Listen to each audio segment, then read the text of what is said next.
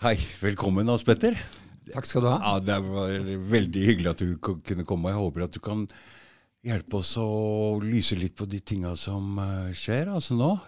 Jeg kan prøve, i hvert fall. Prøve, Ja. ikke sant? Ja, Mm. Fordi eh, Kan ikke du presentere deg litt? For det, du er eh, professor, du, er, du underviser ved Universitetet i Oslo igjen. Ja, jeg er professor i juss ved Universitetet i Oslo. Mm -hmm. uh, og jeg underviser uh, stort sett i uh, forvaltningsrett. Det vil altså si Hva betyr det egentlig? Det betyr offentlige myndigheter, eh, saksbehandlingen, eh, forholdet til deg og meg, til borgerne. Mm. hva de kan bestemme, hvordan de må gå frem osv. Og, uh, og så underviser jeg i europarett, altså EU, EØS, og, hvordan det påvirker eh, særlig offentlig forvaltning. Da. Det er, eh, Da er du midt inne i det viktigste som skjer, da. I norsk, i retten. Ja, altså det er jo, det er jo viktige ting eh, som går på vår posisjon, i hvert fall i forhold til myndighetene. Men det er klart det er jo mye annet viktig i jussen også som går på forholdet mellom deg og meg, altså naboer eller eh, Mm. arbeidsgiver eller kontrakter og sånn som ikke jeg har så veldig mye greie på, da. Det skjønner jeg, men når vi ser verden i dag, hvordan EU kryper inn med sine lover og regler, og når vi ser den koronahåndteringa, og hvordan borgernes eh, rettigheter og friheter også blir innskrenka veldig, så sitter du jo midt i det som skjer. Ja, det kan du si. At det er jo mye EU- EU-rett, og mye kommer jo fra EU. Eh, Særlig når det gjelder dette med koronapass f.eks., så er jo det noe som eh, i dag stort sett kommer fra EU, da, så lenge vi ikke har uh, innenlands koronapass. Mm. Hva, men er det, det har ikke vært noe EU, men vi har jo på følelsen at det er noe som skjer fra WHO, det her. Eller er det bare Ja. anbefalinger derfra vi får nå? Det er bare anbefalinger fra WHO. Altså WHO er en, kan du si, en sånn uh, ressursbank for, eh, uh, som er del av uh, FN-systemet, eh, og som følger med på, altså har en overvåkning av sykdoms- og smittesituasjonen over hele verden. Ikke bare pandemier, men altså helsesituasjonen, særlig i utviklingsland. og Adgangen til helsehjelp og helseproblemer er jo en viktig del av WHOs arbeid. Også Men WHO, hva er det egentlig? Fordi det er jo mm, her er det jo privatpersoner og foundations og sånn som er inne og spytter inn penger også. Det er ikke bare land. Her har vi jo Bill Gates og noen sånne også. Og så vidt jeg forstår, så var den, nye, den gamle mm, avtalen den er fra 2005, og da, det går bare på anbefalinger.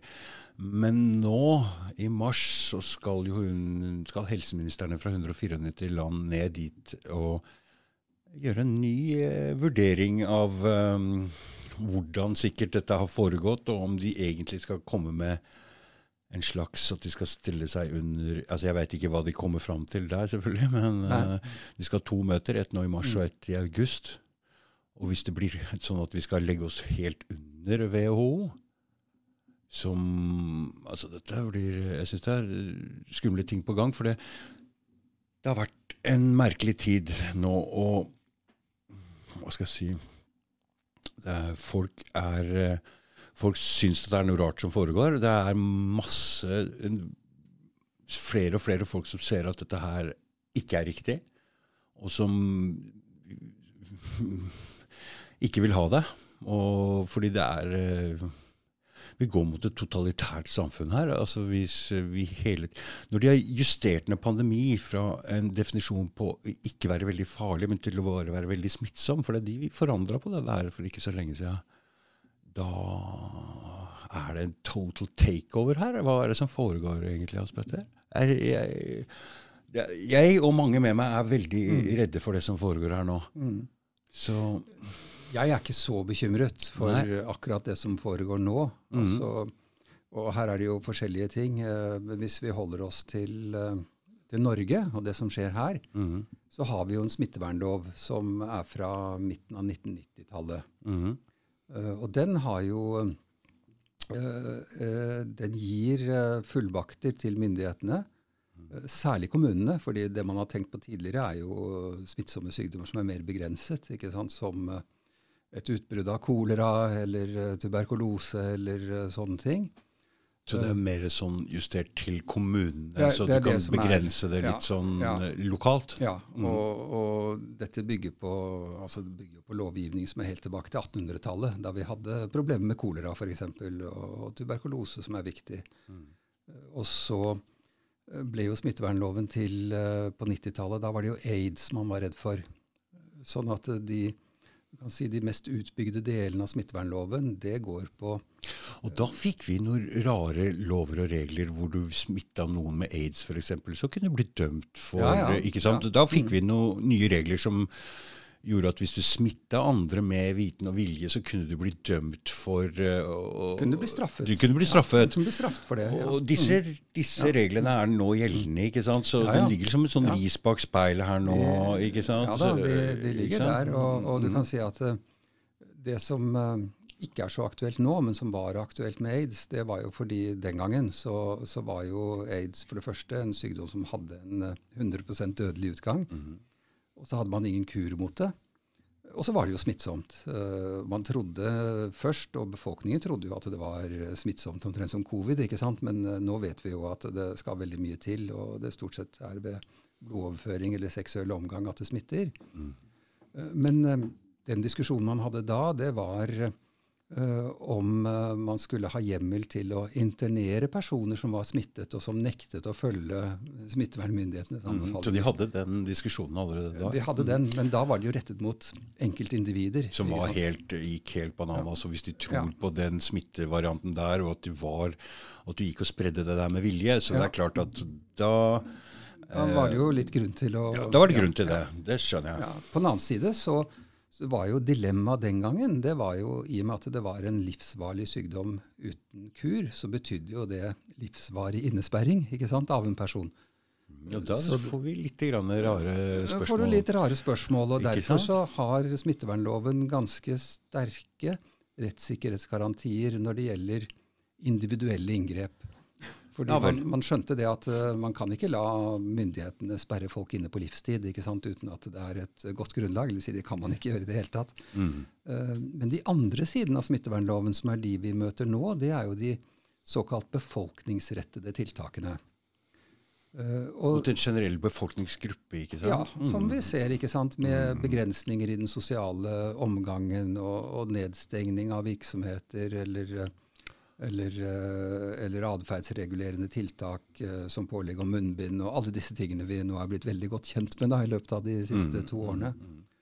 Eh, og, men så er vilkåret for å kunne bruke sånne tiltak, det er at man står overfor en allmennfarlig smittsom sykdom.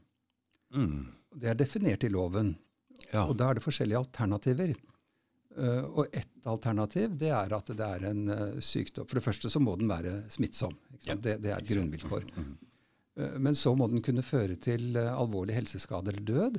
Mm. Eller den må kunne føre til en, en stor belastning for folkehelsen. Eller en stor belastning for samfunnet for øvrig. Uh, Dette kan si er at, jo eh, noe de har Det, det kan ja. man kanskje si at de har i hvert fall prøvd å få inn to av de, tre av de Alle tre, nesten. Ja, Mm, ikke sant? Og etter hvert som uh, sykdommen har utviklet seg og endret seg, uh, så har jo eh, det kriteriet som man bruker, også endret seg. Mm. Fordi til å begynne med, da det var en, en fare for en stor overdødelighet, en alvorlig utgang for i hvert fall folk i risikogruppene, og man så på disse bildene fra Italia og sånn, som vi husker, ikke sant, Mhm, med, mhm. med, med sykehus, eller New York som vi så, hvor de jo hadde ambulansesykdom i gaten og sykehus i gaten og sånn, ikke sant, så fryktet man at uh, helsevesenet ville bryte fullstendig sammen. Det skjønner jeg, men Og da var det eh, den definisjonen man brukte. Da brukte man den definisjonen, men eh, jeg som ser fra, jeg har sett det fra et litt annet ståsted hele tida, jeg ser at de jukser litt. De jukser litt med antall døde, de jukser litt med bilder, de jukser litt med Italia spesielt, med mm, altså en befolkning som er veldig gammel. De har bygd ned helsevesenet, som de har gjort i alle land. Mm. Ja. Systematisk, systematisk. Og jeg føler hele tiden at det har vært litt juks fra media, og det kan være at de egentlig har blitt enige om dette her fordi de vil ha gjennom disse lovene, at, at det er at de har hatt en god hensikt med det. da. Mm. Men når de hele tiden blir tatt i overdrivelser og løgn og manipulering av dødstall og alt mulig, så mister de all troverdighet hos meg. Og da slutter jeg å tro på det. Ja, og det, det, tror jeg mange har gjort. Det, det, skjønner jeg godt, og det er jo selvfølgelig faren når man skal de informere om risiko. Mm -hmm. Det er jo det samme som uh, hvis man overdriver informasjonen til ungdom om narkotika. Det ikke sant? Det blir sant? det samme måten. Det blir det samme. Ja. Så her har de gjort en Altså det, media har mista Og det samme gjorde de med, med Trumf også. Jeg ser mange ting de gjør nå. Media mister makta si med mm. å, å, begå sånne voldsomme, voldsomme ensretta, sterke meninger. Det er mm. i hvert fall det, Og det Ikke selvfølgelig overfor alle, men for mange. Så nå sitter det altså folk rundt omkring i verden med totalt forskjellig verdensanskuelse. Altså. Mm, det, det gjør det nok. Ja. Ikke sant? Og det, det, ser man, er, ja. det, ser man, ikke sant? Mm i USA etter Trump nå, så har liksom har halvparten av folka de, tro, de, tror ikke på media lenger. Mm. Og, Nei, det er, og, det er, et veldig, problem. Det er et stort problem, ikke sant? Det er det, ja. Så nå, Jeg vet ikke hva slags tider vi går inn i nå, men det er veldig merkelige tider. Og jeg vet ikke, Det er kanskje på tide at media mister litt av makta si, fordi media har makt. Mm, opplagt. Det har de jo helt opplagt. ja. Når de kan uh, knuse en ja. um, nesten avsette folk. Og jeg tenker at ja, Jeg vet ikke hvem som styrer dette her, men uh, for et merkelig skuespill når man ja. holder litt sånn avstand på det. Mm. Men det vi startet med, det var jo dette med at uh, kriteriene for å ja. anvende mm, mm, eller mm, kalle det en alvorlig sykdom, at det mm, forandrer seg. Mm, mm, men det ligger altså innenfor rammen av loven at man har forskjellige alternativer. Og, og, det er jo meningen det at man skal, man skal justere uh, beslutningen om hva dette er, mm. i henhold til, eller i takt med at virkeligheten endrer seg. Mm. Så, så det, det, ligger for så vidt i loven. Og, og, loven gir da mulighet også til å gripe inn mot en smittsom sykdom, selv om ikke den er så veldig farlig. Mm.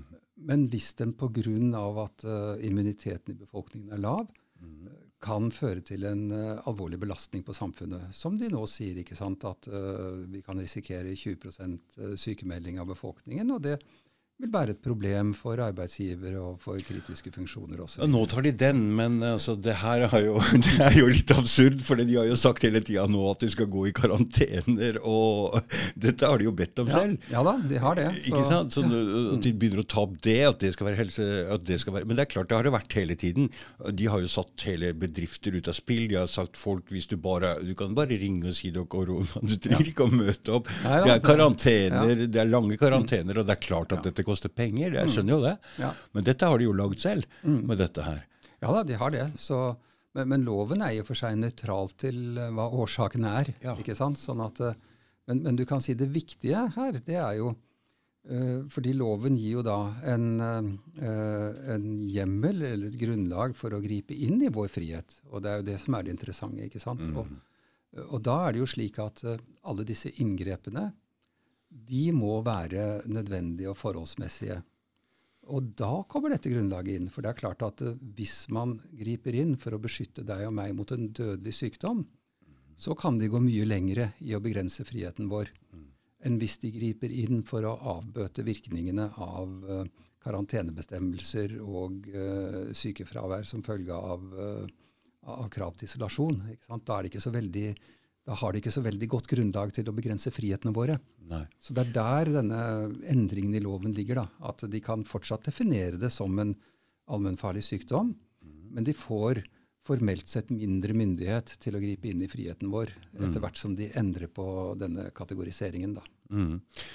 Så den pandemiloven hva, hva, er det den heter for den der, Smittevernloven. Smittevernloven, mm. uh, Som er fra hva du sa 95?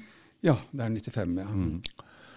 Men er det fordi vi har jo sett, Det er jo nesten det samme greiene som har skjedd i alle land. Den er jo, mm. Smittevernloven er jo ikke lik i alle land, er den det? Nei, de ligner jo på hverandre. De Ligner litt. Ja, Det mm. gjør de. Og, mm. og, det er jo fordi at de fleste landene har jo vært sammen gjennom samme type erfaring med smittsomme sykdommer og epidemier opp gjennom historien. ikke sant? Så, så, sånn at selv om det selvfølgelig er er, er endringer, eller er forskjeller i både hva myndighetene kan gripe til, og hvordan uh, altså, I noen land f.eks. så må parlamentene, altså stortingene, inn i mye større utstrekning enn hos oss. Hos mm. oss så uh, kobler uh, smittevernloven Stortinget langt på vei ut av bildet, sånn at regjeringen får all myndighet. Mens i andre land så, så, så er det ikke sånn. Der må, må viktigere begrensninger vedtas eller diskuteres i parlamentet. Så Det er én forskjell mellom land. da. Mm. En annen forskjell mellom land er at uh, noen land har en tettere domstolskontroll, sånn at det er uh, lettere å gå til domstolene og, og få prøvet uh, smitteverntiltak. F.eks. så var det jo ganske tidlig sånn i Tyskland at sånne begrensninger på folkeforsamlinger, som vi også hadde, Eh, ble prøvet av domstolen, og domstolene sa ja, man kan begrense uh, i hvilken grad folk møtes, men man kan ikke bruke det til å hindre demonstrasjoner, f.eks., for eksempel, fordi det er ytringsfrihet. Så Tyskland har en sterkere retts... Eh, altså Der står dommer eller rettsstaten litt sterkere, eller, eller rett? Ja og nei. Altså, nei, nei. De, de, har en de har en tettere domstolskontroll og en, eh, en, mye større mulighet for folk til å gå til domstolen enn det vi har. For hos mm. oss er det ganske vanskelig ja. og ganske dyrt. Det er dyrt, ikke sant? Og det er mm. en del sånne formelle eh, hindre som vi har, som ikke tyskerne har. Men på den annen side så har jo Fordi det, når, når, man gjør det som en privatperson, så går man til på en måte om man har staten som en, som en, som en motpart. Ja, ja. Det, er, det, er, dyrt og vanskelig. Ja. Men det, det har man i, samme har man i Tyskland òg, men i Tyskland har man egne domstoler for det. Å oh ja, man har egne domstoler for det. Ja. Mm, som hjelper deg litt i kampen mot staten? Som hjelper deg, og som er billigere, og som, mm. uh, som da trer inn mye raskere. Hvor f.eks. dommerne hjelper den parten, den, den, den, svake parten, altså personen litt hjelper Ja, dem. det vet jeg ikke om du kan si, fordi Nei. dommerne er jo alltid tredjepart, ikke sant. Mm. Så, så, den vanlige tysker vil nok sikkert ikke være enig i det. sånn hjelp, nei, nei. Men, men, i hvert fall det betyr at eh, for å si det sånn da, at eh, her i Norge så har vi jo enda ikke uh, fått en rettskraftig dom på noe koronaspørsmål. Det er jo noen som har gått til rettssak i Norge også. Ja. Uh, men uh, selv nå, to år ute i pandemien, så har vi ingen ingen ferdig avgjørelse i domstolene på det. Hva, tenker du, hva slags saker prater vi om da? Prater vi om både staten som har prøvd seg, og, og, Nei, staten nei? behøver jo ikke, for staten bestemmer jo. Staten bestemmer. Ja, mm. så, men de sakene som vi har i Norge, det er jo Hytte? Uh, ja, den saken om de som får, eller som må i karantene hvis de mm. er på fritidsboligene mm. sine i Sverige. Uh, og så har vi For den er, ikke, den har blitt anka, ikke sant? Ja, den mm. skal opp i Høyesterett nå. Ja. Uh, Lagmannsretten sa Lagmannsretten sa at statens regulering var i orden. Ja, for, men først så tapte de i først, staten tapte i første. Staten tapte i tingretten. Og så, gikk, og det så gikk det til lagmannsretten, som sa at nei, dette kan staten fritt bestemme i medhold av uh, smittevernloven, sånn som pandemien er nå. Mm -hmm. uh, og så står denne saken nå for Høyesterett og skal opp i mars. Fortell litt om de forskjellige eh, rettsinstansene der. Hva slags dommere er det som sitter i førsteinstansen, og hva slags dommere er det som, og hva slags dommere er det som sitter i Høyesterett? Er det forskjell, det er forskjell, ikke sant?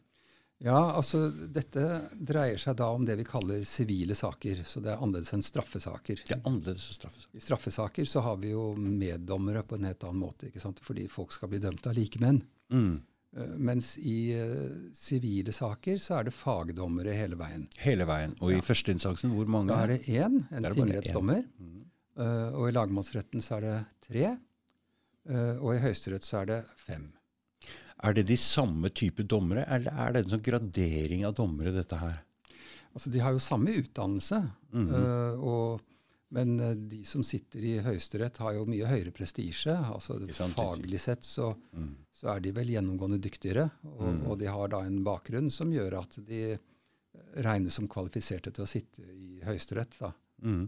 Når de blir valgt, er de, de er partipolitisk uavhengige. De, er, men de har vel en viss sånn Noen er litt mer sånn, og noen er litt mer sånn, og de prøver å få en balanse. Hvor mange høyesterettsdommere er det f.eks. i Norge?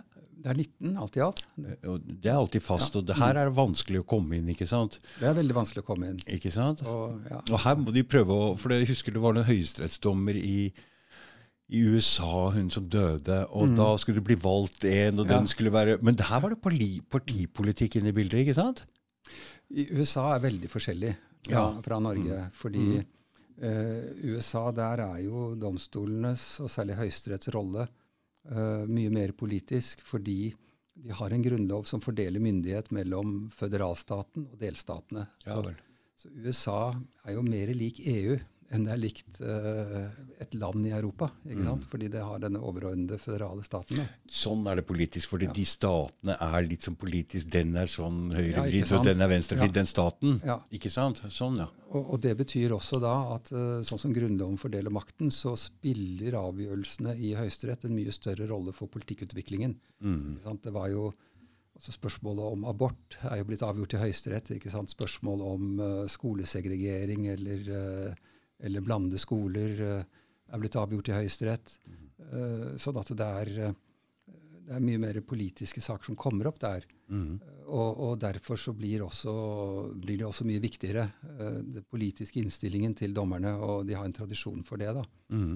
Men i Norge så må det jo også være en slags balanse i hva slags dommere man får opp, og de er vel litt grann forskjellige, disse dommerne? Det er klart de er forskjellige, og det er jo altså Juss og det å dømme er jo ikke snakk om algoritmer og, og objektive ting. Det er eh, utøving av, eh, av et eh, skjønn, på bakgrunn selvfølgelig av eh, de lovene og reglene vi har, men de er aldri entydige. Mm. Og, eh, Og noen av de kommer jo fra forsvar, og noen kommer fra statsadvokater, og noen Ja. skifter litt mening, og noen er litt mer Ja. sånn, og noen er litt mer Noen sånn. er litt mer radikale politiske, og noen er litt mer konservative. og sånn at eh, De utgjør dommerpersonligheter og er helt klart forskjellige i sitt syn. Mm, mm. Og dette er de klar over når de velger inn høyesterettsdommere også, ikke sant? Hva, Ja, men, så du må en slags, få en slags balanse her. Men, men jeg tror at eh, det er regjeringen hos oss som utnevner høyesterettsdommere. Riktig. Regjeringen, ja. Ja, det er regjeringen. Da er det litt viktig eh, å ha riktig regjering når det er en ledig plass der, eller er det ikke så ja, viktig men det, dette? det, det som i hvert fall hos oss tradisjonelt, så har det aldri vært eh, så har det aldri vært noen tradisjon for at regjeringene tar særlig politiske hensyn. Altså Nei. Det de er opptatt av, det er å få en, eh, en balanse eller en blanding av folk som kommer fra sentrale strøk, og folk som kommer fra utenfor uh, Oslo og Bergen som Trondheimsområdet. Mm. Uh, og de er opptatt av eh, at de skal ha litt forskjellig bakgrunn, så ikke alle skal komme fra å være tidligere statsadvokater, men at det skal være noen som har jobbet i offentlig forvaltning, noen som har vært forsvarsadvokater, noen som har jobbet i næringslivet, altså for en sånn balanse. Og etter hvert så har det jo også blitt uh, viktig å få en kjønnsbalanse ikke sant, eh, de siste 20 årene. Mm. Eh, Men når det gjelder det politiske, så har det aldri vært noe særlig opptatt For det For det er det. ikke så veldig stor politisk forskjell på disse partiene. og Det er mest abort og sånn som det går på i USA. Ikke sant? Det er en sånn viktig ting. og jeg vet ikke ja, om det jeg vet ikke om det Det kan jo For at mange sakene dreier seg jo om, om staten og, statens handlefrihet. Og f.eks. så var noe som var veldig kontroversielt tidligere, og som gikk jo på dette med statens uh, mulighet til å regulere utnyttelse av fast eiendom. ikke sant? Altså Ja. F.eks. strandloven, forbudet mot å bygge i strandsonen, har jo vært veldig politisk betent hos oss. eh, Mm. og, og an- også andre, andre politiske spørsmål. Men uh, vi har eksempler på at uh, borgerlige regjeringer har utnevnt eh, ganske radikale personer til dommer i Høyesterett, og omvendt at uh, Arbeiderpartiregjeringer har utnevnt konservative folk. Så, så man har ikke hatt noen tradisjon for å Nei. tillegge det så stor betydning. Fordi jeg har jo vært innom rettssystemet litt, jeg også. Det er jo ikke til å stikke under en stol at det forsvar... Å, det er den dommeren! Det er den, nå er det den Ja, ja. dommeren! Ja. Altså, det, så det er forskjell på disse her. Ja, det er det. Og, men ofte tar de feil, advokatene, når de spekulerer. Ja, det er mulig. Men det er forskjell, altså. Ja. Da var du heldig og sånn. Ja. Nei, det er um, Nei, over til det. Så du, du, du Men eh, disse dommerne Hvor mange dommere er det som er det forskjell i de lavere instansene også? Er det Hvor mange antall? er det sånn, Må de vokse seg oppover fra tingretten til lagmannsretten til Høyesterett, eller er det samme dommere som sitter der? Nei, det er altså som sagt, de har jo samme utdannelse, Ja. men uh, det er jo eh, For det første så er det jo mange, mange, mange flere tingrettsdommere. ikke sant? Fordi, Mm. nå, har vi, nå husker jeg ikke vi, I tingretten der er det bare avgjorte spørsmål, eller er det samme som forhørsrett var før? Nei, det er det ikke. Forhørsretten eh, var en del av tingretten. Mm. Eh, så alle saker starter i tingretten. Men før så var det bare innrømte forhold og varetektsfengsling og sånn som var i, i forhørsrett. Ja. Med en gang det var skyldspørsmål som skal avgjøres, så ble du sendt videre til neste instans. Nei, det det er, det, det er det samme fortsatt. Ja. Så Forhørsretten, da sitter det bare én tingrettsdommer mm. uh, uten meddommere. Mm. Uh, nå snakker vi om straffesaker, ikke sant? Ja, straffesaker. Eh, og, og hvis uh, du da ikke Hvis det ikke er en ubetinget tilståelse, så må det opp for tingretten. Og da er det to meddommere som sitter med. Mm. De kan jo stemme ned fagdommeren. Mm. Det skjedde jo nå, ikke i tingretten, men i lagmannsretten, hvor vi nå jo ikke lenger har jury, men vi har også der meddommere. Men i den saken som var nå mot uh, denne kulturprofilen som det har vært så mye snakk om, ikke sant, som har vært tiltalt for alle disse voldtektene, mm. uh, så ble jo han frifunnet fordi uh, flertall, eller ikke var flertall i eh, lagmannsretten for å dømme ham. Mm. Og, og der var det lekdommerne som ikke ville dømme. Altså fagdommerne, de ville dømme han på langt flere punkter mm. enn lekdommerne. Så de har mye makt, legdommerne. Så hvor mange er det som sitter der i lagmannsretten? Fem? Eh, du, det må jeg innrømme, for jeg jobber ikke med strafferett. Nei, og, nei. og dette, hvordan antallet nå, etter at man inn, avskaffet juryordningen, det er jeg ikke- helt sikker på. Det Mm. er, det er jo tre fagdommere, og så på om det er syv ja, eh, Syv lekdommere. er Mhm. Syv altså- lekdommere? Det er nesten det samme som en jury, da. Ja, det var jo ti tidligere, da. Mhm. da men da satt de alene. Ja. Mhm. Sånn at da var det jo de som avgjorde skyldspørsmålet. Da hadde Riktig. ikke fagdommerne Mm, mm. noe å si der. Så. Men uh, fagdommeren kunne bare sette det til side. Ja, hvis de mente det var åpenbart feil. Ja. Sånn Mhm. som de gjorde i Eirik Jensen-saken. Ikke sant, de gjorde det. Og det var det siste vi så en jury her i Norge. Det var det siste vi så. ja. Ja. Men det er litt morsomt. Jeg vet ikke om vi har mulighet for å gå inn i den. fordi at historikken bak det er jo ganske morsomt. Mm. Eh, For Norge er tror jeg, det eneste landet i verden som har hatt et sånt system. At eh, man har en jury, men at fagdommerne kan sette til side en frifinnelse.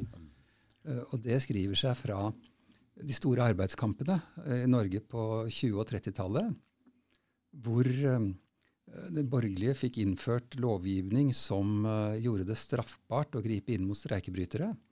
Eh, og det betydde jo at det var fritt frem for en bedrift som var rammet av streik, å sette inn uh, uorganiserte. Mm. Det undergravde jo hele streikeretten ikke sant, og arbeidskampmuligheten. Eh, og det Arbeiderpartiet da svarte med, det var å bruke sin myndighet i kommunestyrene til å, å velge jurymedlemmer som var sympatisk innstilt til arbeiderbevegelsen. Mm. Og så fikk man en del tilfeller hvor juryene nektet å dømme folk som helt opplagt hadde brutt seg, forbrutt seg mot disse reglene som forbød arbeidskamp. Da. Mm. Og da var det de borgerlige selvfølgelig ble fly forbanna på det. Så den Og- gangen hadde vi politikk i, i rettssystemet? på en Ja, måte. da var, det var, da var det veldig politisert. Mm. Og, og de borgerlige, da var det egentlig snakk om også å avskaffe hele juryordningen, men da ble løsningen at man istedenfor innførte denne regelen om at hvis det var en åpenbart uriktig frifinnelse, så kunne fagdommerne sette den til side. Mm. Og så har vi hatt det som del av vårt system helt siden eh, 30-tallet. da opp til nå. Så vi ser ikke noe gjenspeiling nå i den seinere, litt opp i tid fra den tida der, hvor det er noe politikk i det hele tatt lenger i, i rettssystemet der? Det er klart det er, eh, det er politikk, men det er ikke så politisert hos oss nå. Nei. vi ser jo det tilsvarende i eh, land som Ungarn og Polen. Der pågår jo en tilsvarende kamp nå om herredømme over domstolene, Ja. som vi hadde på 30-tallet. Eh, For de to landene der blir veldig demonisert i media nå. Litt fordi de ikke tar imot innvandrere, og litt fordi de har en sterk leder. Og hva er det som egentlig foregår der som vi ikke veit? altså er det kamp i rettssystemet der òg? det er kamp i rettssystemet, fordi uh, altså disse sterke lederne En ting er jo uh, den politikken de vil gjennomføre, men i tillegg så har de jo Det er jo det som kanskje i hvert fall jeg syns er illegitimt. At de vil endre spillereglene for å kunne beholde makta. Okay. Så en ting er, Det er jo helt legitimt at eh, når man har et eh, demokratisk valg, eh, at lederne som blir valgt, vil gjennomføre den politikken som de er valgt på, selv om eh, mange kan mislike den sterkt. Det er jo del av spillets regler. Eh, men hvis de vil endre spillets regler underveis, sånn at det blir vanskeligere å kaste dem av et flertall i neste omgang, da går de over en grense. Mm. Uh, og så er det jo domstolenes uh, rolle da, å, å, passe på at politikerne holder seg innenfor spillets regler. Men for å klippe klørne til domstolene, for å sikre seg at ikke de blander seg inn i disse endringene som de gjør da i valgregler og ytringsmediebilde osv., så, videre, så forsøker de å Uh, plassere sine folk inn i uh, rettsapparatet, sånn at de har vennligsinnede folk i rettsapparatet. Mm. Og Det er denne kampen om rettsstaten som pågår nå både i Ungarn og Polen, da, som, uh, mm. som, gjør at EU nå griper til sanksjoner og sånn mot dem. Mm. Det visste jeg ikke. Mm, det er mye jeg ikke vet nå. Ja, det er mye jeg ikke vet. akkurat dette jeg jobber med. du, så fikk jeg noen svar. Spør om den Nav-rettsskandalen. Spør om disse dommerne som har gjort feil, om det går an Får det noen konsekvenser for disse dommerne? Går det an å, kan vi kjøre på med en prikk, prikksystem her? At de kanskje må Altså, det, det å sitte og dømme mennesker, det, det må jo innebære en del ansvar. Og hvis det ikke får noen konsekvenser Får det konsekvenser? For det første? Nei, det får jo ikke noen konsekvenser for disse dommerne. Uh, og, og, det Er de ikke villige til å ta kritikk på dette heller? Hvordan har de oppført seg i etterkant, disse dommerne? Uh, har de jo, gått og sagt unnskyld, eller har de um, uh, De er jo villige til å ta kritikk, og, og de legger opp til, til et stort etterutdanningsprogram og, og sånn mm. for å forsøke å hindre at tilsvarende type feil eh, skjer eh, på nytt igjen mm. på andre områder. Mm. Uh, men når det gjelder spørsmålet om, å holde dem ansvarlig, så er det faktisk et veldig viktig prinsipp at vi ikke gjør det, eller at vi bare gjør det i de ytterste ekstreme tilfellene. Mm. Fordi vi alle ønsker jo, hvis vi kommer i en situasjon hvor Eh, vi eh, trenger en eh, rettsavgjørelse, enten det er en mm. straffesak eller en sivilsak. Mm. Så ønsker vi jo at dommeren bare skal legge vekt på det som kommer frem av bevis i saken, mm. og det som er en riktig forståelse av loven. Mm. Vi ønsker jo ikke at dommeren skal skjele til om dette kan få noen konsekvenser for han personlig, eller henne personlig. Verken ja, negativt være, eller positivt. Da vil han være mer skeptisk til å dømme folk også? Ja, og da vil han jo dømme ut fra helt andre motiver. Mm, og, og, vil kunne mm, dømme feil ut fra de motivene. For mm, vil dømme mm. ut fra hva som gir minst sannsynlighet for at vedkommende uh, får trøbbel etterpå. Mm. Eller det andre, at vedkommende får en belønning for en god stilling eller sånn. ikke sant? Så derfor så er vi alle egentlig avhengig av at uh, dommerne ikke blir stilt til ansvar med mindre de helt bevisst selvfølgelig mm. uh, misbruker stillingen. Da er det jo en annen sak. ikke sant? Mm, mm. Men det er jo ikke det det er snakk om her. Nei, nei, nei det er det ikke. Men uh, de er veldig um, De skulle vel ha sjekka opp dette litt bedre? Ja, det er jo interessant. Altså, jeg tror uh, dette har sammenheng med at vi har Altså, vi er jo et utpreget tillitssamfunn i Norge. Mm. og det går jo ikke bare på at uh, du og jeg har tillit til hverandre. Men også at dommerne har tillit til staten. Dommerne har tillit til staten, ikke sant? Mm, mm. Uh, og det er jo en av grunnene til det vi var inne på i sted, at uh, Tyskland kanskje har et bedre system for domstolskontroll med staten enn det vi har. Ja. Det er jo at de har den historiske erfaringen med at de ikke stoler på staten. Mm. Mens vi stoler jo alle på staten. Mm. Uh, og Derfor så bryr vi oss ikke om vi har noe egentlig godt uh, og effektivt apparat for å kontrollere staten. Mm. Nå setter jeg det jo litt på spissen. ikke sant? Ja, ja, ja, men Det er lettere for å forstå det. Ja. Og så hadde du jo da Nav-saken, hvor, uh, hvor Nav, som jo er en stor og seriøs forvaltningsinstitusjon, som er ekspert på trygderetten, ikke sant, mm. sier at sånn er det.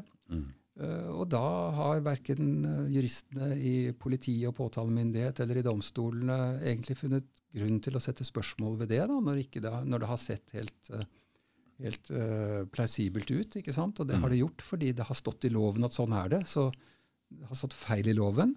Det har stått feil i loven. Det har stått feil i loven, og den er jo satt inn av Stortinget fordi de ville hindre trygdeeksport og alle disse fæle tingene. ikke sant? Mm, mm. Eh, og så Og det er forståelig, for det har blitt mer og mer av den Ja, Det, det har jo blitt et misbruk av trygder, så det er, jeg forstår er at de vil prøve å stoppe ja, det der. ja. ikke sant? For det har, det har gått utover um, folk som virkelig trenger det. ja. Vi hadde et godt uh, system her før. Det begynner å bli Og jeg, uh, jeg er jo ikke redd for å si det, men det har jo vært en del som har misbrukt dette, som har kommet fra andre land, som har misbrukt dette systemet. Så det har blitt uh, Det må skjerpes inn på. Jeg forstår det godt. Ja da, så det er mange gode grunner til det. Men Mm. så har altså lovgiveren da i sin iver eh, misforstått eh, eller brutt EØS-reglene. Mm. Og så har Nav eh, ikke klart å se at dette har vært et brudd. De burde jo ha sett det, for de skulle jo være eksperter her. Mm. Eh, og så har eh, politiet tatt for god fisk det Nav har gjort. Mm. Eh, og så har domstolene tatt for god fisk det politiet har sagt. eh, og sånn, så. Politiet må passes på litt, fordi eh, de er ikke flinke. De suger fatt i én problemstilling og velger én tiltalt, og, og, og sjekker ikke veldig mye annet. Så her, de må passes på, det er helt sikkert. Det er jo nesten sånn at folk har jo vært nødt til å ansette en privatdetektiv for å finne andre veier eller andre mistenkte, andre muligheter. Det det, de må i hvert fall ikke stoles 100% på. De må passes på. Det for jeg har jo hatt en del justismord her. Ja, ja, vi har jo det. så. Ikke sant? Og den siste her med Baneheia-saken, den husker jeg jo skjedde. Det var jo Jeg ehm, Det der er ikke bra, det som skjedde. Og den stakkars Tenk deg så ung. Tenk deg den Hvis han er uskyldig fordi jeg har sittet i fengsel sjøl, og det er ikke så ille. For du har liksom, du har dine egne Vi er et slags fellesskap. Men hvis du sitter for noe sånt, Mm. så har du ingen der heller. Nei. Alle er imot deg. Mm. Hele verden. Ja. Altså, og til og med alle de innsatte. Mm. Og du sitter der du er 18 år. Mm. Ja, nei, det, er altså, det, er, altså, det er en skjebne som Mm. ingen kan tenke seg hva, hvordan det der er. Mm. Og den stemninga i Kristiansand på den tiden òg. Ja, ja, nei, det var jo uh, forferdelig. Så Mm. det er klart det er en stor tragedie hvis han er uskyldig dømt. Mm.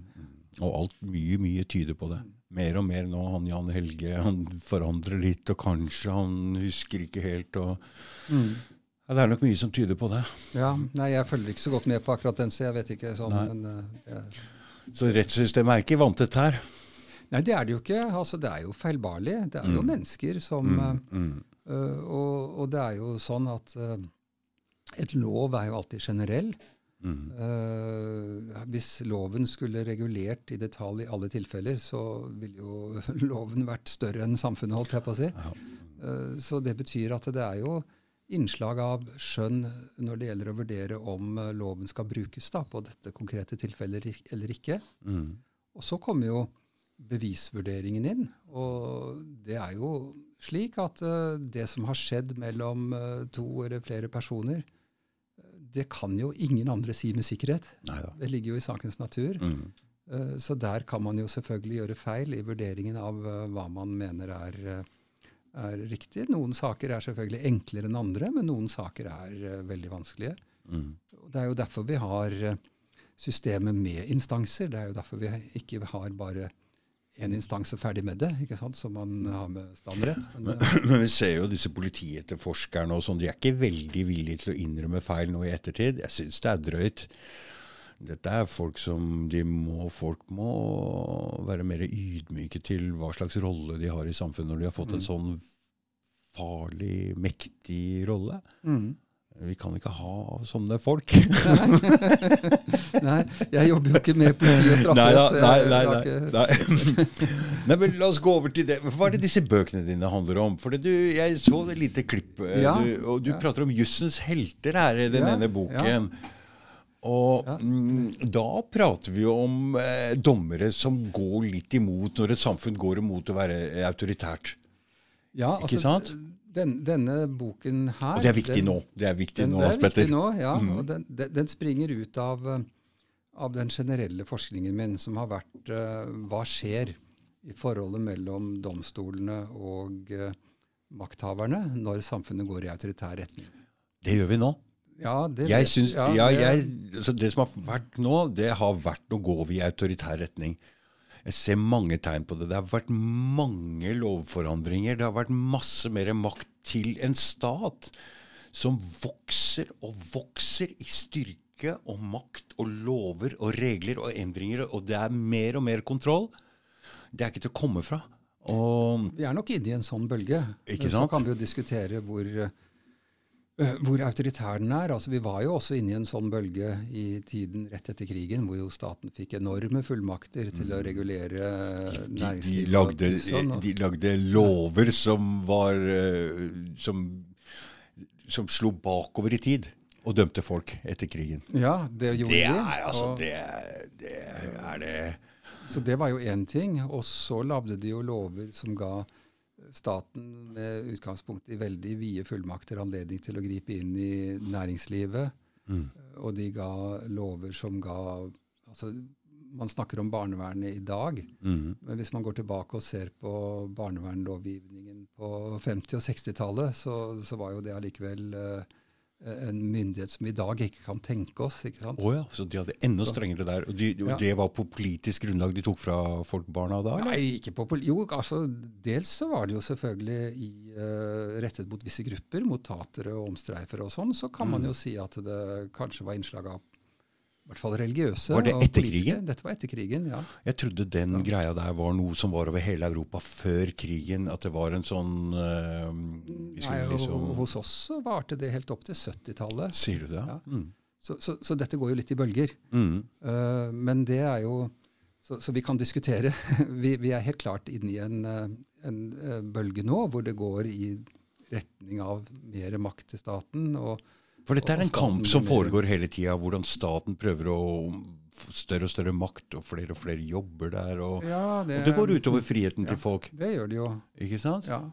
Men, men det jeg har forsket på, er, eh, er situasjoner som har vært uh, mye mer eh, tydelige. Altså, og hvor makthaverne bruker også veldig grove midler til undertrykkelse av opposisjon og, og andre. Mm. Uh, og hvor de eklatant bryter med sånn grunnleggende menneskerettigheter rettsstatsverdier. Eklatant, Hans Petter. er- Eklatant, eh, suverent og i, stor, eh, Mm. i stort omfang. Så det er lett å se det. Det er lett å se det. Og, så jeg har sett på f.eks. Tyskland på 30-tallet og uh, Sør-Afrika på 50-tallet under utvikling av apartheid-regimet.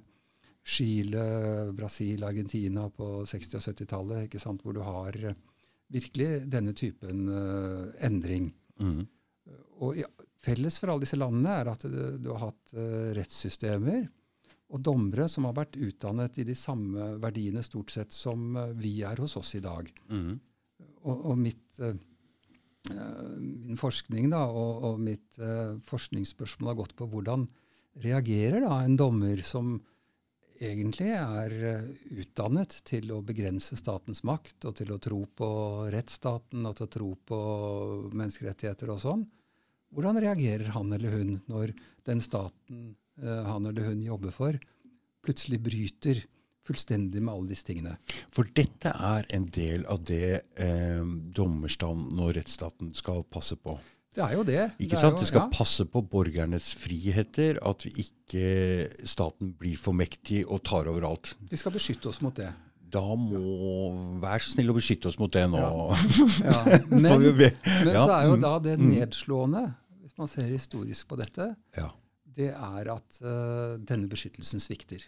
Mm. Altså, disse dommerne blir stort sett uh, et verktøy eh, og medløpere for den autoritære makta. Jeg vet Mm. ikke, Har du lest Jens Bjørneboe eller Kjartan Fjøgstad? Jeg har lest Jens Bjørneboe bare om den ja, eneste boka jeg har lest av det om etterkrigsoppgjøret der. Oh, ja, hvis Mm. du leser uh, 'Frihetens øyeblikk', f.eks., og eh, sånn, så ser du han, han er jo veldig stygg, da, Mm, mot, mm, mot mm. dommerne og domstolene. Ja. Uh, og, men uh, både han og de andre kritikerne av dommere i sånne situasjoner har stort sett rett. Altså. Det er et uh, nedslående bilde. Mm. Men det er selvfølgelig unntak. Noen få unntak. Og det var det som gjorde at jeg fikk lyst til å skrive om Mm, heltene. Da. Det er mm, mm, unntakene. mm, mm. De, som, eh, de som går mot strømmen, og som beskytter disse rettsstatsverdiene. Hva skjedde med de? Kosta det dem noe? Uh, Ja, altså det, det er litt forskjellig. Det, Det rare, For det koster å stå opp. Det koster klart, å si fra. Det er i hvert fall en risiko. Mm. Men eh, det viser seg også at eh, det kanskje er mindre farlig for en dommer å gjøre det enn det man tror. Mm.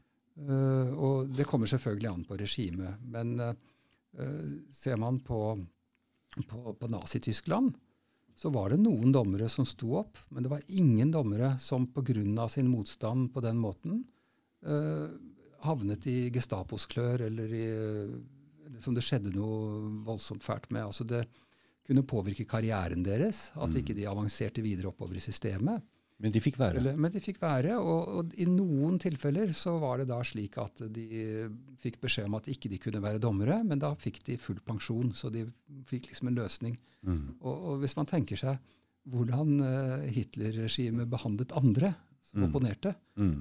Uh, så, det, så tok de på dommerne med silkehansker, altså. Mm. Det, det er veldig merkelig. De tok på nordmenn med silkehansker òg?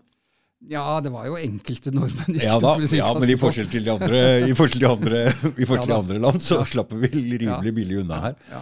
Men altså, dommerne slapp veldig billig unna. Mm. Selvfølgelig hvis de holdt seg til dommerrollen. Det var jo noen dommere som eh, var aktive i, eh, i motstand og sånn, og de var det jo ingen bønn for. Nei, det er klart. Det, Mm. det, det er jo noe annet. Mm. Men, uh, men da jeg, tenkte jeg at nå hadde jeg lyst til å trekke frem noen av de positive eksemplene, og se om vi kan lære noe av det. Mm. Uh, fordi ofte så blir det sånn at uh, når man sitter uh, i en maktposisjon, og, og samfunnet blir eh, autoritært og ondt, så tenker man vel gjerne sånn at det spiller ingen rolle hva jeg gjør, jeg klarer ikke å stoppe dem. Og så tenker man kanskje at uh, kanskje det er bedre at jeg sitter her enn at jeg går av, og at det kommer en som er mye verre enn meg. Mm, Man, har, mm. man finner på tusen sånne unnskyldninger Mm. for bare å bli en medløper for makta. Mm. Og da trenger vi, tror jeg, en, noen eksempler som for det første viser at det er mulig å gjøre noe annet. Det, er fakt, det går faktisk an. Uh, og, og for det andre som kan uh, inspirere da, til uh, folk til å gjøre noe annet. Det er en meget viktig bok, Hans Petter. Ja, jeg syns det. ja. Og, Og jeg syns den er morsom òg, for jeg forteller det i form av historier. da. Mm, og så er det jo veldig viktig at du sitter og er underviser på disse folka som skal kanskje bli dommere, og prater om dette her. Du ja, har en veldig viktig rolle, du. Det er klart det å være, å være i en situasjon hvor man eh, er med på å utdanne unge mennesker som senere skal innta maktposisjoner, det er jo, syns jeg, et stort ansvar, og som jeg, jeg ser med både ærbødighet og ærefrykt på, for å være litt høytidelig. Klart det. Ja. Klart det. Det utformer jo samfunnet i lang, lang tid framover. Ja, Og her trenger vi, her trenger vi virkelig For det nå er jo litt sånn at uh, det er jo ikke alle som kommer i rett plass her i livet. Noen Nei. vil jo bare bli advokat og lege bare fordi de vil peke på noe fint. Ja da. Og Og, det er ikke sikkert at det er de riktige folka. nei, det er for langt. der. For langt der, ja. ja. Fordi det er ofte de som Du ser jo det i politikken også. De som søker makt, er kanskje ikke de som burde hatt makt. nei. Ikke sant? Fordi det er noe annet, så noe feil som driver disse folka. Også I våre gamle, gamle lover fra vikingtiden så står det jo at eh, sånne avgjørelser skal treffes av uvillige menn. Ikke sant? Så fint! det- Det ja. er så fint sagt. For jeg veldig- akkurat pratet med noen, og hun sa jeg vil ikke det der. Ja, men da Ja. sa jeg da er du den riktige personen. Ja, ikke sant? Ja. Det, Fordi da har du ingen hig etter makt eller noe sånt. Da er det deg som skal være det. ja. Ja, det er sant. For jeg kommer i kontakt med så mye øh, øh, fine mennesker med øh, den podkasten her er jo litt bygd på de korona altså, og, og, og det som skjer i samfunnet nå. Jeg lyser jo på masse feil hvor du, Sverre prøver å være en motbalanse til hvordan det blir framstilt i media. Da. Mm. Jeg tror jeg alltid har vært sånn. Finner argumenter, men jeg ser noe som er veldig veldig hardt øh, ene veien, så prøver jeg å finne argumenter for Ja, ja. andre veien. Ja, og så prøver jeg å være en mot, mot, uh, motbalanse mot det. Jeg tror jeg ser jo det at det er jo det jeg driver med nå. Jeg tror jeg alltid har vært sånn. Så. og da er jeg jo kommet inn i en gjeng med folk som som bare blir større og større og, og, og vil noe fint med samfunnet her nå. Og de Du, du vet kanskje ikke det, men ja, altså det er jo mange av oss som tror at banksystemet krasjer nå, at det er virkelig ting på gang, og, og, og at vi går mot ganske vanskelige tider.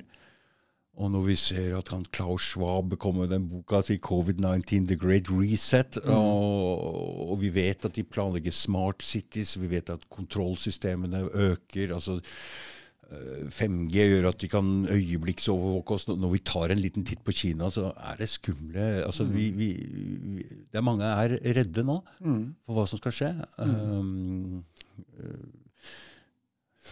så, ja, nei, ikke sant? Det klart Vi går jo veldig utfordrende tider i møte, det er det ikke tvil om. Mm. Samtidig så Hvor ble det av Apenes fra Datatilsynet? Ja, nei, det Det er slutt på! det er slutt på. Det er jo ikke det. Sant? Han passa jo litt på der. ikke sant? Dette mm. kan vi ikke. Det, det er aldri noe. Ja. Nå er det totalovervåking. Mm. Hvis de vil. Hvis de vil, det er det. ikke sant? Så mm. Derfor så er det jo veldig viktig at vi har Eh, at vi har de rette personene. At, mm. uh, at vi har et uh, politikere med integritet. Og at vi har kontroll med dem, ikke mm. minst. For at mm. de får mm. så stor maktmulighet. Mm. Men, men, det ligger jo også selvfølgelig muligheter i det. ikke sant? Det ligger jo muligheter i det til å, å løse problemer som vi står kollektivt overfor, både når det gjelder global oppvarming eller fattigdom, utvikling i verden. ikke sant? Sånn at det, det har jo en det har jo muligheter i seg, mm. og det har farer i seg. ikke sant? Mm. Det er jo en veldig spennende situasjon. Det er en veldig spennende tid. Det er en veldig spennende tid vi er inne i nå. For det er liksom en, en uh, liten sånn uh, Ja, er, vi er inne i en viktig tid her nå. Mm. Så jeg håper at alle som prøver å skjønne at det er fare på ferde også, men altså det, og at vi prøver å delta i å prøve å få et samfunn som vi, eh, som vi vil ha. Mm. Uh, det er mitt ja. håp. Og ja. da, da, må mange folk engasjere seg. Mm. Mye mer enn det de har gjort før. Vi kan ikke bare la altså vi, Når vi ser på Norge har vært med å bombe altså, Ikke bare Norge, da, men altså, det har vært kriger. Folk bryr seg ikke. Mm. Vi er nødt til å begynne å bry oss mye mer. Det er jeg helt enig. Vi er nødt til det. Vi er nødt til å begynne å bry oss. Og det er mulig vi må ha det litt verre sjøl for, for, for, å våkne opp litt til å delta i, i, det som foregår rundt, og bry oss. Fordi vi må bry oss, for de som styrer, de, de styrer ikke dette riktig. Det er, det, det er, min mening i hvert fall. Vi må passe på. Jeg tror i hvert fall at vi må jo nå, uh, vi må jo nå bruke de erfaringene og, og de, den kunnskapen som vi kan få hvis vi nå systematisk går gjennom og ser hva som har skjedd de siste to årene. Det er viktig. Nå er det på tide med en liten oppsummering av hva mm. som har skjedd her nå. Det er jeg helt enig i. Og, og, ikke minst så er jo dette viktig fordi det vi nå gjør og har gjort, det legger jo grunnlaget for hvordan vi vil håndtere den neste krisen som lurer rundt neste hjørne. Mm. Eh, og den kan jo være av en helt annen og, og mye farligere karakter for samfunnet. Kan være. Kan være. Da kan det være at vi har politikere som er mer lystne på makt enn eh, det vi har i dag. Og det mm. kan være at vi står overfor en trussel er, hvor det er mye større grad av uenighet om trusselens karakter. Mm. Mm. kan være mye mer politisk. Fordi det som har skjedd nå, det, altså befolkningen er splitta? Den er splittet, men allikevel så er, jo, eh, så er den jo ikke så splittet som, uh, som den er i USA og en del andre land. Nei, nei det er den ikke. Og, så det, jeg vil jo si at det er en relativt stor enighet om at det ikke er en politisk krise vi står overfor nå. Mm. Og de tiltakene som man kan begrunne, Eh, de er tross alt uh, litt mer begrenset. Mens hvis det er en uh, neste krise er en krise hvor vi ser på mennesker som trusselen, og ikke et virus, mm. så vil vi jo kunne se at Hvordan, Hva tenker du nå? Mennesker som trussel? Hva tenker du spesielt ja, Da nå? tenker jeg på f.eks. en politisk uh, krise, hvor man føler landet truet av en fremmed makt f.eks., og begynner å se på deler av befolkningen som en femte kolonne som må bekjempes. Uh, kan vi se for oss noe sånt? Ja, det var jo det man så for seg på 1950-tallet med kommunisttrusselen som man ikke lagde. ikke sant? Mm, da, mm, da, hadde mm. man jo den type Nå ble jo ikke den så akutt. Nei, for der var det kommunister som ble øh, ja. overvåka og, og, De ble overvåket, men hvis, hadde, hvis den kalde krigen hadde blitt noe varmere, mm. sånn at man hadde utløst de fullmaktene man tenkte på, så kunne vi jo fått uh, internering av uh, folk på politisk grunnlag. Vi kunne fått uh, Så det var lover på plass da for å ta tak i dette? Man hadde lover på plass da. Vi har det fortsatt, den beredskapsloven når krig truer. Ja. Er det fremdeles hva, men Forklar litt om hva slags lover det der er. Vel, altså det, det var jo en veldig interessant uh, diskusjon på, i 1950. Mm. Hvor regjeringen, Arbeiderpartiregjeringen la da frem et forslag til en beredskapslov. Dette var jo rett etter uh, Tsjekkoslovakia, rett etter Kråkerøytalen, stiftelsen av Nato osv. Så, videre, så det var jo da den kalde krigen begynte å, å, å fremstå som en Var det da kommunistjakten også var på sitt høyeste i USA? Ja, ja det var da den uh, begynte. Den steg vel litt utover 50-tallet. Ja. Og Da la de frem et uh, forslag til en lov som skulle for det første gi Uh, regjeringen fullmakter. Man tenkte at kanskje Stortinget ikke kunne møtes. Ikke sant? Uh, og den ga fullmakter også til fylkesmennene, i tilfelle deler av landet var avskåret fra, uh, fra det sentrale forvaltningen osv., som det jo kunne være i en krig eller krigssituasjon. Mm, og dette innebærer at man allerede måtte vite hvem disse folka var, og dermed den store overvåkingen av disse ikke folkene. ikke ja. sant? Mm. Og så la de også frem da forslag til regler for å håndtere situasjonen. Og det var regler om muligheten til å internere, mm. uh, mulighet til å stenge aviser og gå inn i ytringsfriheten, mm. muligheten til standrett uten ankemulighet, med dødsstraff. Mm. Og, og, disse folka, er dette det som kalles for stay behind-nettverket? Disse, disse lover og regler og disse, disse um,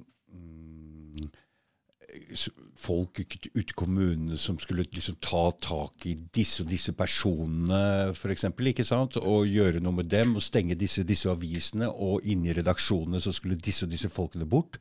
Ja, Disse Stay Behind var jo ikke lovregulert, så det var, var jo utenfor uh, oh, ja. mm. Men, men det, vi aner konturene ja, av noe, et system vi aner, her. Vi aner konturene av det. Og så ble det en kjempediskusjon i uh, Stortinget. Ja hvor stortingsflertallet ikke ville akseptere disse, disse reglene Nei. om uh, internering og standrett og, og, sånne ting. Men det var voldsomme Ja, og Så ble det da en lov som var uh, veldig avklippet i forhold til det, uh, men som ga regjeringen fullmakt til å vedta lovgivning hvis Stortinget ikke kunne vedta det, mm. mot at regjeringen da måtte legge det frem for Stortinget hvis det skulle vare i over 30 dager. Det var den kompromisset man fikk. Ligner litt på pandemihåndteringa her. Og så brukte vi denne nå som mønster for uh, smittevernloven og pandemiloven. Ja, ja, ja, ja, ja, Men så har vi jo nå i løpet av pandemien uh, gått ganske langt i å egentlig fjerne oss fra en del av de garantiene som uh, ble etablert på 50-tallet. Mm. Så vi har nå lagt grunnlaget for hvordan vi håndterer neste krise. Mm. Som jo kan være en som For nå har regjeringen tatt mer makt over lengre perioder enn 30 ja. dager og den stilen ja, der. Ja, og, og, det betyr at uh, Det har forandra seg. Landskapet har forandra seg veldig ja. et, i løpet av disse to årene. Når vi kommer ut på andre sida her nå. Og, og, hvis ikke vi gjør noe med det, mm. så, vi, så, har vi en dårligere beredskap når det gjelder uh, rettsstaten individuelle rettigheter i en mm. ny krisesituasjon mm. enn vi hadde før pandemien. Dette er viktig. Uh, og Derfor så må vi ta oss noe tid til å gå gjennom dette her og spørre oss er det den typen, er det denne måten vi ønsker å håndtere en ny krise på. Mm. Som jo kan være av en helt annen karakter. Mm, men nå skal jo de møtes i WHO nå, og de vil jo ha enda sterkere fullmakter. Enda, hvis det kommer en enda sterkere krise, så vil de ha enda sterkere fullmakter til å gjøre enda mer. Mens rettsmessig sett så må vi også gå en gjennomgang. Så det er to, to ting som kan skje her nå. Så ja, er Enten mm. de får mer fullmakter, eller vi må passe på dette må ikke skje igjen på denne måten. Det var altfor overdrevent. Det her var overgrep. og hvis vi skal gå gjennom dette her, sett fra mitt synspunkt, så har det blitt begått store overgrep mot mange. Og Norge er ikke ille i det hele tatt, for vi har ganske bra, god råd her. Men altså, det er folk har lidd Det har vært matmangel, det har vært hunger, det har vært eh, psykolog Alle har blitt ramma av det her. Hvert eneste individ fra barn og opp til eh, gamle, til alle, på en eller annen måte. Og det har ikke vært lett for mange. Nei, Dette her har vært en, ikke sant? Så mm. det har vært, i forhold til virusets farlighetsgrad, altfor mye. Altfor mye. Det er helt eh, vilt, spør du meg. Og det kommer nok til å komme fram mange stemmer her nå som vil vise fram hva har skjedd med de. Det er godt bedrift, det er økonomiske katastrofer. Og vi har ikke fått regninga ennå. Nei. Vi har ikke fått regninga ennå, fordi det her har jo samfunnet gått inn og betalt en del av dette her. Og det, hvem skal betale det?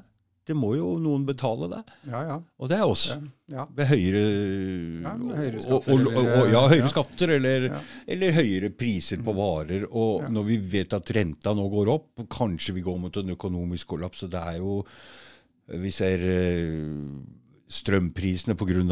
USA stenger den der, setter At de ikke vil ha inn den gassledningen der fra Russland, Mm. og skylder på ja, Det her er et virvar. Det er ikke ferdig ennå med kaoset her. Det. det er ikke det. Men det, en ting som er helt sikkert, det er at eh, WHO får jo ikke større makt i Norge uten at eh, Norge går med på det. Nei. Sånn at det er jo vi, altså befolkningen i Norge, som bestemmer. om- Befolkningen eller Stortinget? ja, men altså Stortinget svarer jo til folk, ikke sant. Så, Hører de på oss? Ja, Det kommer jo an på hvordan vi agerer uh, politisk, det. Mm. Uh, Så derfor er det så viktig at vi har en, uh, en ordentlig diskusjon Mm. nå, hvor vi oppsummerer og får frem alle disse erfaringene som du snakker om. For klimaet er litt bedre nå for å ta en diskusjon. Den var veldig vanskelig her en stund. Ja. Mm. Uh, På begynnelsen så var det helt umulig. Det er mye større klima. Det er mange flere stemmer Ja da, ute nå, det. og vi kan på en måte snakke litt om det nå. Det var helt umulig på førsten å snakke om det. Mm.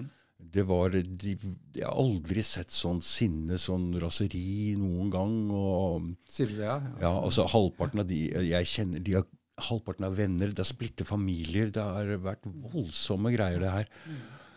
Hvor mange som er veldig veldig redde og sier må, og noen sier at dette er bare Hva er dette? Ja, ja. Så vi har Nei, det er en splitta befolkning. og jo lengre de holder på med det her, jo flere kommer til å se at det er noe som ikke stemmer. Mm. Det er det jeg tror. Fordi jeg syns ikke det stemmer i det hele tatt. Det går ikke opp. Så ja, Det er mye som ikke det er så lett å forstå, i hvert fall. Det er jeg helt Mm, enig med deg i. Ja. Ikke sant? Mm. For du, du, du, du, er jo, du tror jo at dette har vært et eh, Du, sa i stad i bilen at vi har, ser jo dødstall i, i Sverige og Storbritannia. og Du, du pekte på New York og, og sånne ting. Men um, ja, men man kan alltid finne grunner til hva som har skjedd, og peke på hva de gjorde feil og sånne ting òg. Fordi fremdeles i Norge så er jo gjennomsnittsalderen for de som døde, er jo over 80. Ja da. Og, og, og da snakker vi Det er jo gjennomsnittsalderen for altså Den er jo på 2-83. Ja. Det er jo det som er levealderen i Norge. Ja, og man, man kan jo selvfølgelig spørre seg hva grunnen er til at uh, vi har sluppet så billig uh, i Norge sammenlignet med mange andre land. Eh, og, og myndighetene vil jo kanskje raskt si at jo, det er fordi de har håndtert dette på en fornuftig måte. ja. Men jeg, jeg tror ikke så veldig mye på det, fordi uh, de har jo ikke håndtert den så veldig forskjellig fra Nei, fra nei, andre land. Det er jo det ene. Og, og, uh, og, det andre er at det lille vi nå har av forskning, som etter hvert begynner å komme, det viser jo at kanskje det mest effektive tiltaket for å begrense smitte, det er øh, god informasjon om risiko og hvordan man skal øh, unngå risiko. Altså rett og slett sånn hygienetiltak. ikke sant? Vaske hender. øh, bruke munnbind er det er nødvendig. Unngå å ha nærkontakt med folk som er opplagt syke, og alle disse fornuftige tingene. Mm, Det er det aller viktigste for å begrense smitte. mm, og det nest viktigste, virker det som, det er ressurser. At man kompenserer folk. uh, som gjør at folk kan agere fornuftig. Som du sa, ikke sant, at uh, hvis ikke staten stiller opp, og folk mister jobben, eller uh, de mister jobben hvis ikke de kommer der selv om de er syke, så går jo folk på jobben, og, og- eller de må gjøre et eller annet ute i samfunnet for å, for å klare seg. mm, Så, så det å, å stille opp med kompenserende tiltak er også en veldig viktig faktor. mm, Um, sånn at uh, restriksjoner på friheten kommer først i tredje rekke når det gjelder uh, betydningen av å håndtere pandemien. Og så tror jeg nok at vi i Norge har jo den fordelen at eh, vi stort sett er ganske lydige. Vi gjør som myndighetene sier. altså Mm. Myndighetene sier at nå må dere passe dere, så passer vi oss uh, stort sett. Mens det er jo veldig forskjellig sikkert i Italia, da, for å bruke et sant? Eller New York. Så Men det jeg hadde håpa på neste gang altså For det første, de har ikke gjort noe med sykehuskapasiteten i det hele tatt. Det syns jeg er mistenkelig. Jeg syns det er rett og slett mistenkelig. Ingenting. Ja, nei, Det, er er altså, det, er, det, er, en eh, skandale. ja, og det er mistenkelig. Eh, Hvorfor gjør de ikke noe med det? Og hvorfor har sykehuskapasiteten De, de sier at eh, alle helsesøstre og sykesøstre og sånn, men de, de, de har blitt pressa hele tiden. Det har alltid vært press der. Hele tiden. De Mm. Ja, ja. skjærer ned med penger. Hva er dette for noe? Vi kan bruke milliarder på alt det andre, og så ingenting til sykehus. Det er altså jeg Mm. det blir så rart for meg, det her, at det får de ikke til å stemme. Og, og Nei. Um, ja, jeg har glemt hva jeg skulle si. blir litt trivelig. den andre boka di, Hans Petter, hva er det den handler om? Ja, den handler om eh, de første månedene av eh, pandemien. Her går du gjennom pandemien, ja. Her går vi gjennom pandemien. Og her, eh, her er jo dette med dette, denne forskningen som jeg sier at jeg har jobbet med i flere år, som går på når ja, For du er forsker òg, er du ikke det? Ja, det, alle på universitetet er jo det. Så Ja. halvparten av jobben er jo forskning, og halvparten er uh, lærevirksomhet. Det er liksom jobben Ja. når man er professor. Halvparten er forskning, halvparten er underviselse. Ja. Mm. Og, og jeg underviser da i forvaltningsrett, som jeg snakket om, men jeg forsker på forholdet mellom domstolen og myndighetene i denne samspillet hvor eh, samfunnet forandrer seg, enten går i autoritær retning eller i demokratisk retning. Er det mange som gjør det? Eh, har den rollen mellom forvaltning og mellom stat og folk og sånn? Eller er det bare deg? Nei, det er ikke bare meg. Det er jo, eh, altså Internasjonalt er det jo. Ja, men i Norge? mange. I Norge, Ja, vi er noen flere. Mm. Vi er det. så- For en viktig jobb! Eh, Ja, det er jo i hvert fall eh, I hvert fall i disse tider. oss- ja, Disse, disse tider. Eh, Og det var jo det jeg plutselig så, at plutselig ble jo forskningen min aktuell. Veldig, veldig. Så, sånn at, eh, og, og særlig da regjeringen la frem forslaget til koronalov. Mm. Da var det en lov som minnet veldig om, eh, om den typen unntakslover som eh, Da, slo du, da ringte det noe, Ja, alarmbjeller ja. der. Så den, denne boken handler da om uh, Først så er det en, eh, en, generell, uh, en generell fremstilling basert på altså, hvor robust er vår vestlige rettstradisjon, da, hvor jeg drar den historiske linjen. Mm. Og så, så skriver jeg litt om forholdet mellom juss og politikk. For det er jo politikk eh, Når eh, autoritære myndigheter eh, vil ha større spillerom, så er det jo for å få større spillerom for politikken. ikke sant? Mm. Men i andre situasjoner så ønsker vi jo ikke at dommere som ikke er demokratisk valgt, skal blande seg inn i politikken. Så det er liksom en vanskelig diskusjon der om, eh, om dette. Mm. Og så stiller jeg da spørsmålet om den norske rettsstaten. Og, og da har jeg et kapittel om Nav. fordi det var kanskje første gangen jeg så at, eh, at uh, kanskje det ikke står så bra til. Ja, det var en systematisk svikt at ja. Det er noen systematiske systematiske i hvert fall eh, brister i, i vårt system. Mm. Uh, og så var det da de tre første månedene av pandemien som eh, Som du tatt opp der, ja. eh, bekrefter det inntrykket, syns jeg da. Men kommer det en oppsummering av hele greiene her om en liten stund også? Hvor du går gjennom alt fra begynnelse til slutt, og så Jeg har ikke noen konkrete planer om det, og det, det er jo selvfølgelig et kjempeprosjekt. For nå Ikke sant? har det skjedd så mye. Mm, det har skjedd og, mye. og jeg er jo betalt for å studere domstolene og de politiske myndighetene i Øst-Europa under kommunisttiden. Det er det som er oh, ja, ja. Mm, det jeg egentlig skal gjøre, så jeg må jo prioritere det. mm. Jeg kunne nå Under pandemien fikk jeg jo en del ekstra tid, fordi jeg reiser mye og holder mye foredrag, og plutselig satt jeg jo hjemme. Mm, Så da fikk jeg jo tid til å også fordype meg i, mm. i pandemireguleringen. Men Mm. det må nok eventuelt da bli et, eh, et neste prosjekt når jeg er Mm. ferdig med Mm, ja, kommunisttiden. mm, ja. så, så, så prosjektet ditt det, det, nå er å gå gjennom kommunistlandet, og, og, og, og, og hva, hva var det du skulle der, sa du? Nei, altså jeg vil, Vi holder på å sammenligne. Uh, vi sammenligner uh, dette forholdet mellom domstoler og myndighetene. Mm, autoritære regimer, uh, hvor jeg, jeg da og flere andre har sett på de vesteuropeiske landene, altså naziregimene, de fascistiske regimene. mm, Og, og det som egentlig var det overraskende funnet der, det var hvor uavhengig domstolene fikk lov å operere. Altså Som jeg snakket om i sted, Mhm, at dommerne mhm.